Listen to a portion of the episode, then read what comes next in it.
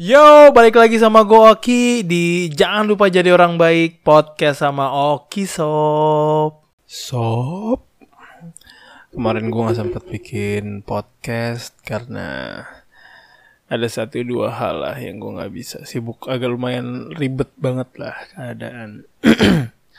nah gue bikin ini pagi-pagi jam 6 supaya nanti bisa gue upload di sekitaran jam 3 kali ya, jam 3 sore. Dan kalian akan mendengarkan ini sekitaran pulang kantor.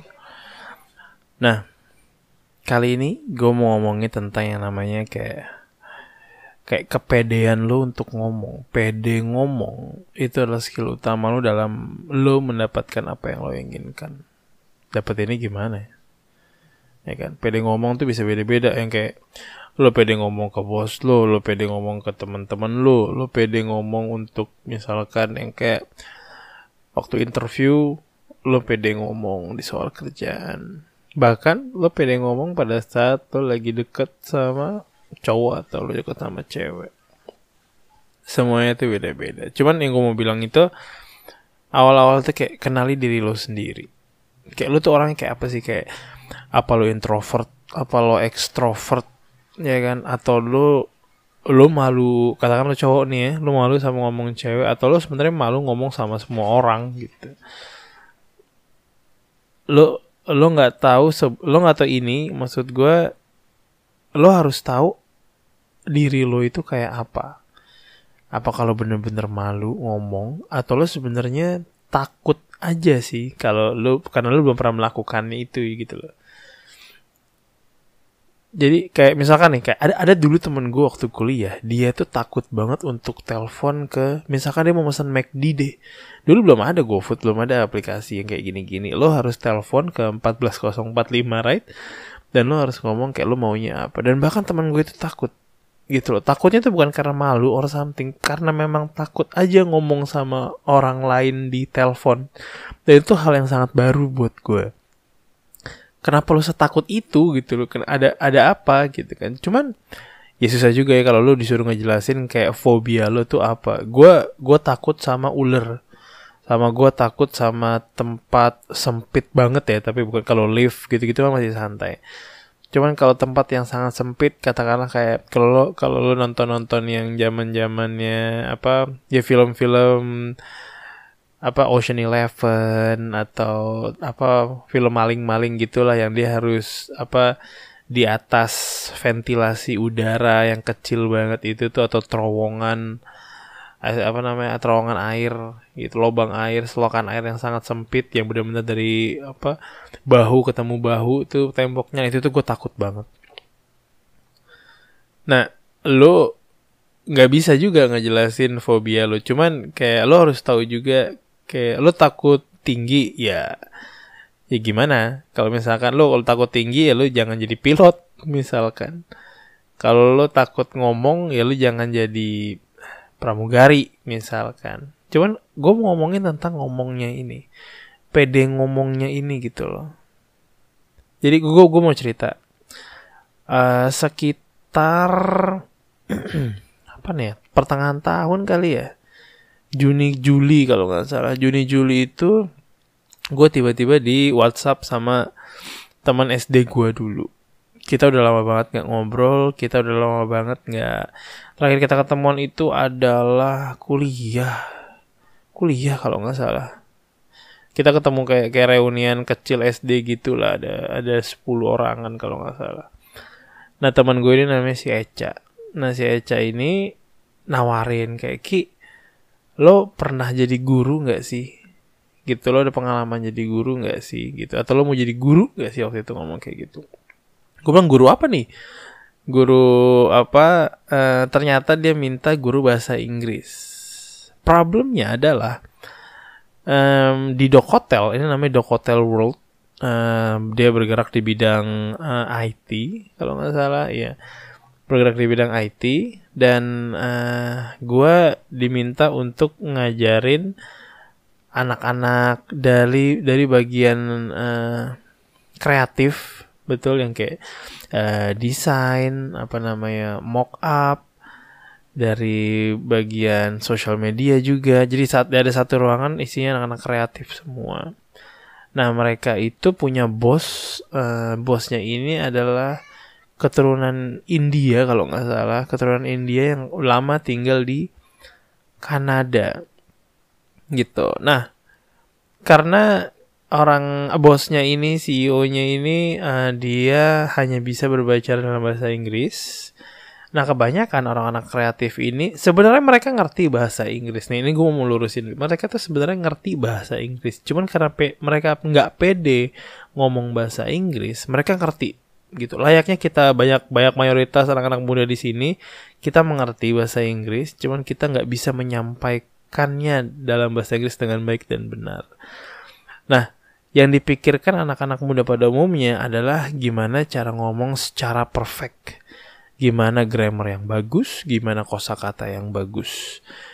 Nah, padahal si bosnya ini kayak apa ya? Kayak udah lu ngomong aja, nggak masalah lo ancur grammarnya atau enggak, cuman layaknya.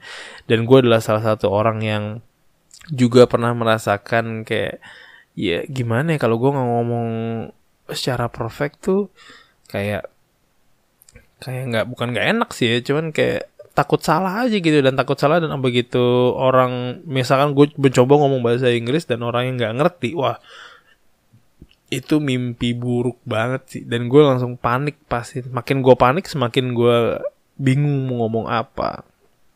Nah kembali lagi ke dok hotel ini. Akhirnya gue disuruh uh, apa namanya ngajarin bahasa Inggris ke eh, anak-anak uh, kreatif ini. Dan bentar.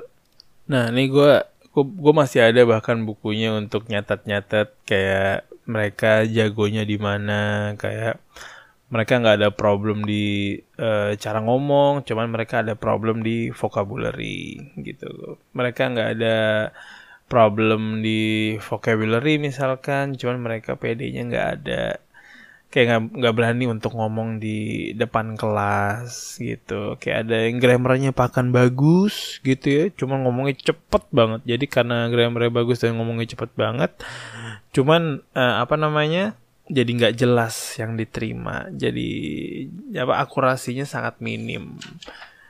Ada ada banyak lah ada beberapa orang yang apa yang hebat di secara teknikal, secara teori gitu ya. Cuman begitu prakteknya um, apa cuman gara-gara ketidakpedeannya dia jadi berantakan dan gue adalah salah satu orang itu salah satu orang yang secara teknikal secara grammar secara apa namanya secara di atas kertas gitu ya gue cukup mumpuni untuk ngomong bahasa Inggris. Cuman begitu gue ngomong bahasa Inggris, ya waktu yang gue ceritain waktu gue kerja di Afrika itu, wah itu kacau balau. Gitu. Nah, gue mau ceritain yang apa yang gue lakukan waktu gue di dok hotel ini. Gimana cara gue melatih orang-orang yang yang katakanlah kurang pede ini menjadi berani ngomong gitu ya dalam hitungan satu bulan walaupun gue nggak bisa bilang kayak ini 100% apa namanya berhasil no. Karena ini juga ini sebenarnya gue menceritakan dan menerapkan apa yang gue lakukan waktu gue di uh, Afrika waktu itu. Yang gue tadinya nggak pede dan gue jadi pede. Gitu. Nah jadi eh, intinya bagi kalian yang apa yang kurang menyadari bahwa ada orang yang total introvert di luar sana yang benar-benar dia nggak mau ngomong di depan kelas yang benar-benar uh, apa namanya yang nggak mau tampil sama sekali dan mereka fine fine aja dengan itu karena mereka merasa nggak nyaman untuk dilihat banyak orang gitu. Cuman uh, yang mau gue bilang itu lebih ke arah kayak lo nggak apa-apa lo nggak apa-apa menjadi orang yang introvert lo nggak apa-apa menjadi orang yang yang apa ya yang dengan situasi lo aja lo urusinnya gitu. Apa pun itu kerjaan lo kalau oke okay, kerjaan gue untuk ngedesain ini begitu gue selesai ngedesain ini ya udah bodo amat yang lain. Gue nggak peduli yang lain gue dikasih tugas lagi oh ya udah gue kerjain tugas yang ini. Tanpa uh, kayak kayak minim sosialisasi gitu loh minim banget. Gue gua gua aja gue udah selesai tugas gue ya sudah gue melakukan hobi gue lagi misalkan. Gitu. Nah jadi gini awal-awal waktu gue masuk kelas gitu ya dan gue ini yang harus diketahui adalah gue sama sekali nggak punya pengalaman dalam mengajar. Begitu gue ditawarin ngajar bahasa Inggris sama teman gue si Echa ini kayak ah ya udahlah pengalaman baru. Gue belum pernah coba juga jadi guru dan gue ngomong dari awal kayak gue nggak pernah jadi guru lo ya. Gue nggak punya sertifikasi guru gue nggak pernah apa-apa-apa. Cuman gue lebih ke arah bisa membuat mereka pede ngomong bahasa Inggris. Gitu karena gue merasakan ini sendiri. Ini pengalaman gue yang gue lakukan dari gue eh, nggak uh, pede sampai gue pede akhirnya udahlah. Oh ya udah boleh lah nggak apa-apa. Kita coba aja dalam kurun waktu satu bulan. Gitu. Nah apa namanya? Akhirnya gue masuk kelas. Gitu akhirnya gue masuk kelas. Uh, eh, gue ketemu anak-anak ini di apa anak-anak apa? Kelasnya kelasnya itu dibagi menjadi dua dua shift gitu dua kelas. Yang satu kelas siang dan satu kelas sore. Nggak bukan kelas siang kelas pagi kayaknya waktu itu jam gue gue lupa lagi jam 9 kalau nggak salah apa jam jam 10 gitu. Nah pokoknya ada dua kelas gitu. Ada dua kelas dan pertama itu uh, nggak ini sih nggak nggak pasti orang-orangnya. Cuman yang kayak kalau dia sorenya ada kerjaan kalau siang ada kerjaan ya ikut yang kelas pagi. Kalau kelas kalau paginya ada kerjaan ya ikut kelas siang. Nah muncullah orang-orang baru ini gitu loh. Dan gue orangnya tipe orangnya yang kayak gue gue sangat senang mengenal orang lain. Dalam artian orang-orang baru dengan cerita-cerita baru mereka gue happy banget mendengarkan. Gitu. Jadi gue nggak pernah masalah untuk gue ketemu dengan orang baru. Malah gue gue memaksa diri gue untuk ketemu orang baru setiap saat. Karena gue suka aja ngedengerin masa apa kayak masalah-masalah mereka mendengarkan kayak apa background mereka kayak apa apa yang bisa membuat mereka sampai di sini gitu gitu ada banyak lah di orang-orang di situ. Ada yang baru uh, apa baru masuk. Ada yang udah satu tahun dua tahun. Ada yang udah lama gitu. Bahkan uh, apa ya vice presidentnya kreatif pun ikutan di kelas gue juga. Gitu. Nah malah gue bilang malah bagus. Karena kalau para seniornya aja ikutan juniornya pasti yang kayak oh ya udah deh boleh deh gue ikutan dan mereka dan para seniornya juga kayak uh, mencontohkan yang baik gitu loh dan dan gue jadi makin pede untuk ngomong. Nah, gue mau cerita sebenarnya satu orang yang yang menurut gue itu paling malu. Dan apa uh, namanya ini Angel. Uh, dia se seperempuan gitu ya. Dan dia badannya kecil gitu, uh, Chinese dan basically dia ngerti untuk ngomong bahasa Inggris gitu loh. Cuman kepedean dan ketakutannya dia itu kayak bener-bener menutup apa yang dia sebenarnya pengen omongin gitu. Nah, gimana caranya bikin orang se se apa ya, se close ini untuk mau ngomong di depan kelas. Awalnya pas awalnya nggak mau gitu, awalnya nggak mau, awalnya nggak bisa. Nah, itu gue mulai dengan orang-orang yang uh, yang agak sedikit lebih pede daripada dia. Gue gue ajak uh, ngomong untuk ke depan. Jadi gini gue punya uh, sebuah sistem yaitu adalah kayak um, kalau lo nggak pede itu lo ulang ketidakpedean lo untuk apa lo latih terus-terusan ketidakpedean lo sampai lo pede dan itu berlaku untuk semuanya. Karena sekarang kita ngomongin cara ngomong ya gue ajak ngomong terus gitu. Gue menyampaikannya bahkan dalam bahasa Indonesia juga. Nggak nggak semua total bahasa Inggris. Karena ada alasannya kenapa anak-anak ini itu tidak berhasil di uh, berbagai institusi uh, bahasa Inggris yang terkenal di Jakarta. Gitu loh. Katanya orang-orang Dokotel ini pernah pernah ngajak apa namanya English First misalkan atau uh, IELP atau yang lainnya lah yang yang yang besar-besar gitu ya. Dan kenapa ini tidak berhasil di mereka? Karena menurut gua uh, metode pendekatannya itu kurang tepat. Untuk dibilang secara teknikal kayak uh, untuk belajar past continuous tense, untuk belajar present tense, past present tense, apa pun itu uh, itu mungkin bagus gitu ya. Cuman uh, metode pendekatannya ke orang-orang itu kurang tepat. Apalagi ke ke anak-anak kreatif dokotel ini. Gitu. Gini menurut lo deh menurut lo uh, pembelajaran paling cepat itu kalau lo diajarin sama guru yang lo nggak kenal atau sama guru yang lo kenal? Coba lo jawab itu sendiri dalam dalam diri lo. Gitu loh. Karena menurut gue adalah kalau lo diajarkan sama seseorang yang lo kenal, bukan nggak usah kenal baik deh, cuman lo tahu perjuangannya dia, yang di mana kayak bisa lo relate sama guru lo itu, kayak lo akan jauh lebih cepat belajarnya gitu loh. Karena lo jadi percaya, karena lo menjadi satu level, menjadi satu satu pengertian gitu loh. Kalau guru lo itu sama-sama belajar gitu loh. Nggak begitu lo kalau katakan lo masuk IF atau ILEP gitu ya gue sama sekali tidak menjelek-jelekan mereka. Mereka adalah institusi yang sangat besar dan mereka sudah membantu banyak orang untuk bisa ngomong bahasa Inggris gitu ya. Bahkan waktu itu gue ng apa ngambil TOEFL juga di ILEP di LP nah mereka cuman mm, apa disuruh datang dan apa namanya gurunya itu adalah native speaker. Adalah orang orang asli bule gitu ya dan ngomong bahasa Inggris langsung. Jadi bridgingnya pun pakai bahasa Inggris ngobrolnya pun pakai bahasa Inggris. Nah begitu lo duduk di situ dan begitu lo langsung denger sama orang bule ini native speaker ini lo akan apa ya langsung ada sebuah gap gitu yang di mana yang lo belum bisa dan dia lancar total gitu. Ya dia dari dari orok juga udah ngomongnya bahasa Inggris gitu. Akan mempercepat? Iya betul Cuman menurut gue uh, pelajarannya itu akan jauh lebih kepegang kalau lo diajarkan sama guru yang lo kenal. Dan satu sisi yang kalian mesti tahu itu adalah gue nggak kenal sama anak-anak dok hotel ini. Cuman dengan cara gue mendekatkan diri kepada mereka, dengan gue cara ngomong sama mereka, gue bikin mereka kenal sama gue dulu. Makanya kenapa gue ceritakan dulu masa lalu gue dalam artian cara gue belajar uh, dan cara gue struggling waktu ngomong dengan PD-nya sampai gue sekarang bisa jadi guru gitu loh ngomong bahasa Inggris di depan mereka ini.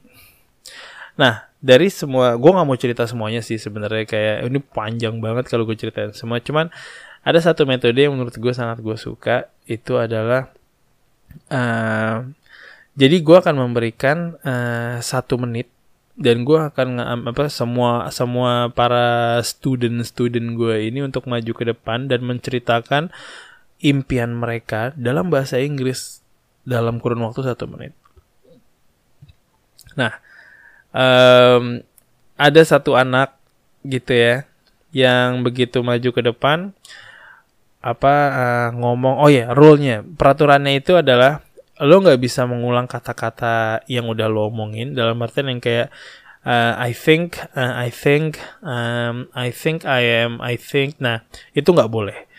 Jadi lo mesti ngomong secara apa pun yang ada di kepikiran lo lo omongin dalam satu menit dan lo nggak boleh ada pengulangan dan lo nggak boleh ada uh, apa namanya yang um, uh, itu nggak boleh lebih dari dua detik gitu itu nggak boleh lebih dari eh sorry 5 detik waktu itu kalau nggak salah gue bilang. Nah itu tuh nggak boleh. Kalau itu kalau itu lebih dari 5 detik atau lo terjadi pengulangan uh, lo ulang dari menit 0 dari detik 0 gitu ulang terus ulang terus. Nah di sinilah yang kenapa gue bilang menurut gue sangat menarik. Jadi orang-orang yang pertama kali ngomong katakanlah ada si uh, Rido namanya. Rido ini uh, apa namanya orangnya agak-agak tipe-tipe orang yang yang menjadi peramai ruangan lah. Yang yang yang apa namanya ngoc apa humor terus yang bikin suasana di kelas atau di ruangan itu jadi lebih ramai. Gitu. Nah dia maju. Nah dia ngomong dengan impiannya dia. Gitu loh. Uh, apa namanya kayak ngomong pertama kayak cuman 20 detik Habis itu gue suruh ulang lagi karena dia menjadi pengu terjadi pengulangan. Terus omongan kedua, eh malah jadi 15 detik. Gue ulang lagi gitu. Begitu yang ketiga, dia bisa ngomong secara 40 detik gitu selama 40 detik.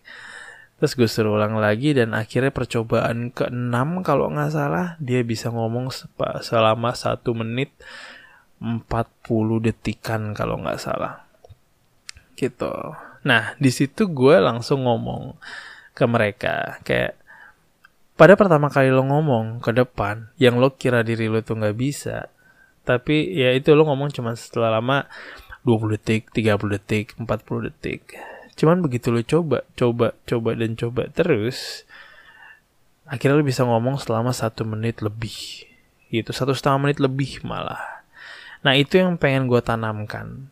Kalau kalau lo ngulang terus gitu ya lo coba terus makin lama lo makin jago ini ini semuanya bisa lo aplikasikan ke mana pun gitu loh dan balik lagi yang ke Angel tadi yang menurut gue adalah orang yang sangat introvert yang sangat malu di depan kelas. Pertama-tama dia gue suruh pun nggak mau untuk maju ke depan. Gue gue tanya lagi, lo nggak mau aja ngomong aja di depan gitu. It's okay ngomongin yang lo tahu. Ngomongin kayak keadaan di rumah, impian lo, kayak lo mau jadi apa gitu.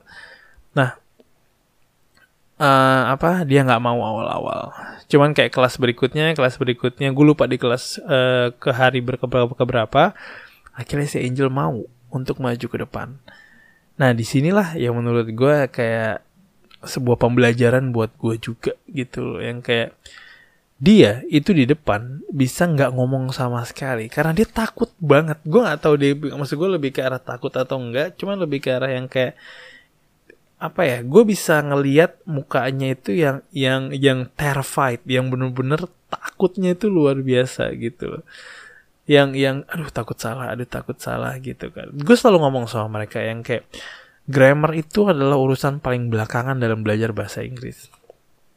Lo bisa datang ke McDonald's atau ke apa Burger King gitu ya di di luar negeri misalkan dan lo cuman ngomong yang kayak uh, cheeseburger one gitu.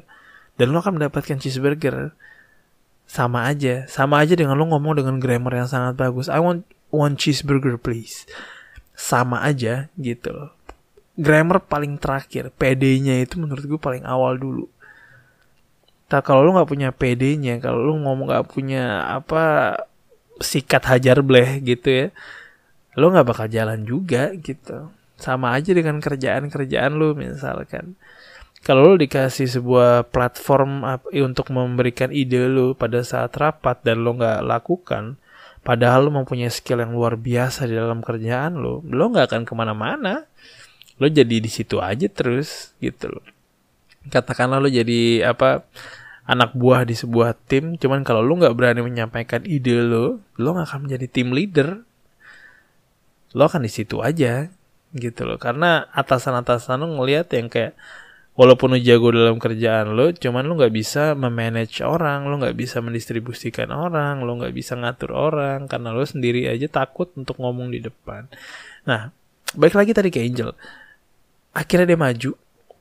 Akhirnya dia ngomong gitu ya. Begitu gue ngomong pakai sistem yang tadi gitu loh. Kayak dia ngomong pertama cuma 10 detik. Dia ngomong cuma 15 detik. Ini si Angel ini agak lama. Per abis itu 20 detik abis itu nggak berani ngomong lagi. Abis itu yang kayak cobaan belasan lah. Dan akhirnya yang kayak gue bilang Jel coba ceritakan ke gue apa yang lo lakukan uh, oke okay, apa yang apa yang lo suka lo lakukan deh di rumah? Dan dia ngomong sama gue pakai bahasa Indonesia dia bilang kayak gue suka masak sih sebenarnya di rumah gitu. Oke okay, masak kita ngomongin tentang masak. Lo masak apa di rumah? Gitu kan uh, masak kue gitu. Oke bikin kue. Nah lo bikin kue ini sendiri atau misalkan enggak sama sama mama oke ceritakan waktu lo masak sama nyokap lo kayak apa gitu loh nah um, kenapa akhirnya dia bisa ngomong tentang ini karena ini adalah sesuatu yang dia tahu beneran tahu dan dia rasakan sendiri dan dia merasakan betapa menyenangkannya masak sama ibunya sendiri. Nah dari situ dia menceritakan gitu ya kayak gue nggak peduli dengan cara dia ngomong bahasa Inggrisnya cuman gue peduli dengan dia ngomong bahasa Inggris. Dia menceritakan bahwa apa kayak dia bikin kue sama mamanya bikin nastar kalau nggak salah gitu ya. Terus betapa happynya dia caranya gimana cara ngemix uh, tepungnya gimana. Dan ternyata eh ternyata dia ngomong selama dua menit kalau nggak salah dia ngomong tanpa di stopin gitu. Nah habis itu gue ngomong kayak gitu dan satu kelas itu tepuk tangan untuk Angel. Nah di sini yang mau gue bilang yang kayak pada saat um, lo mengulang-ulang itu terus kayak kosa kata lo menambah secara otomatis PD lo akan nambah secara otomatis dan dan apalagi kalau lo ngomongin sesu kenapa gue nanyanya itu hopes and dreams? Kenapa gue nanya ini itu lebih ke arah kayak impian lo tuh apa sih gitu loh. Karena itu adalah lo yang yang lo rasakan langsung di diri lo sendiri gitu loh. Ini bukan sebuah skill set yang lo pelajari. Inilah sesuatu keinginan lo sebagai manusia gitu ya. Apa pun itu. Cuman itu beneran yang lo rasakan di dalam hati lo dalam batin lo sendiri gitu loh. Dan begitu si Angel ngomong selama dua menit ini gitu loh. Gue kayak bangga sama diri gue sendiri tuh lo? Kayak kayak kayak gue berhasil untuk membuat anak ini yang benar-benar takut untuk ngomong di depan dan dia bisa ngomong di depan selama 22 menit.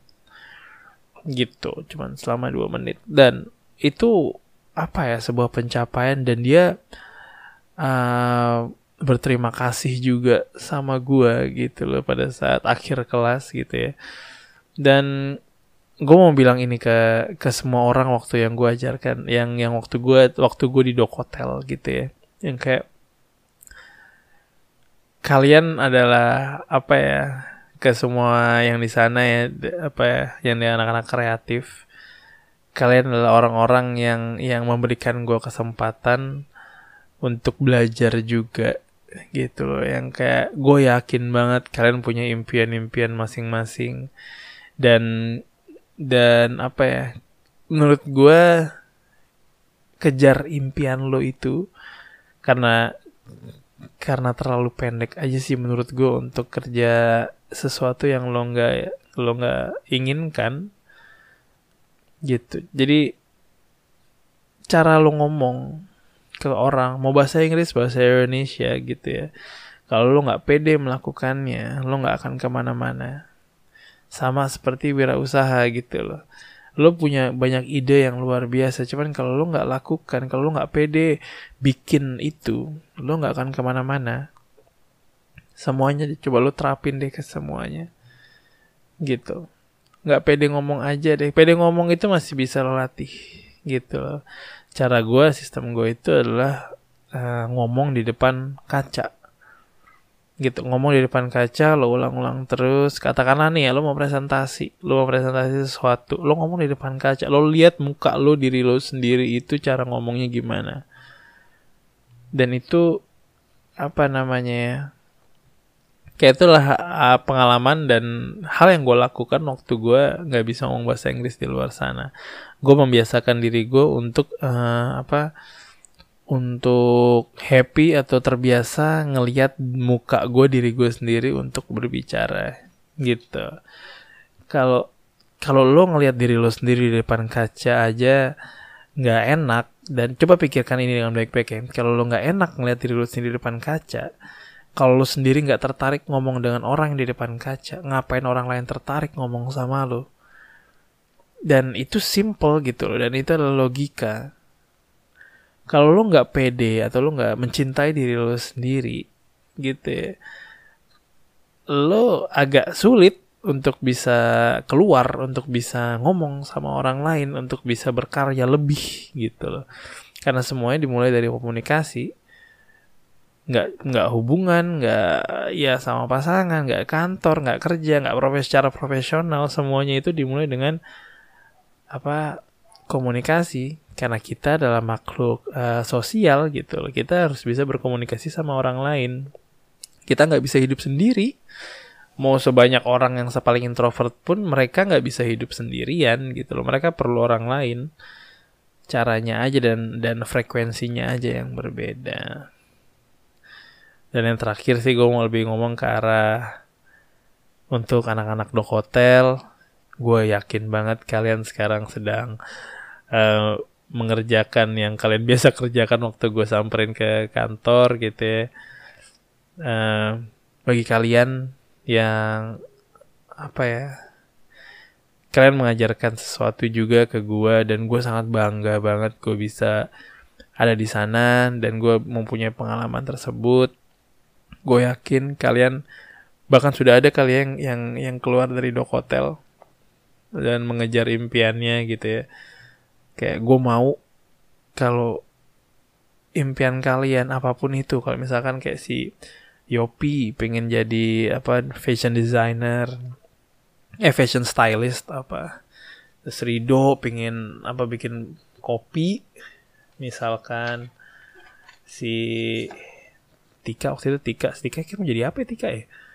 Um, buka apa ya gitu gue lupa terus si apa Mas Teguh dengan dengan fotografinya.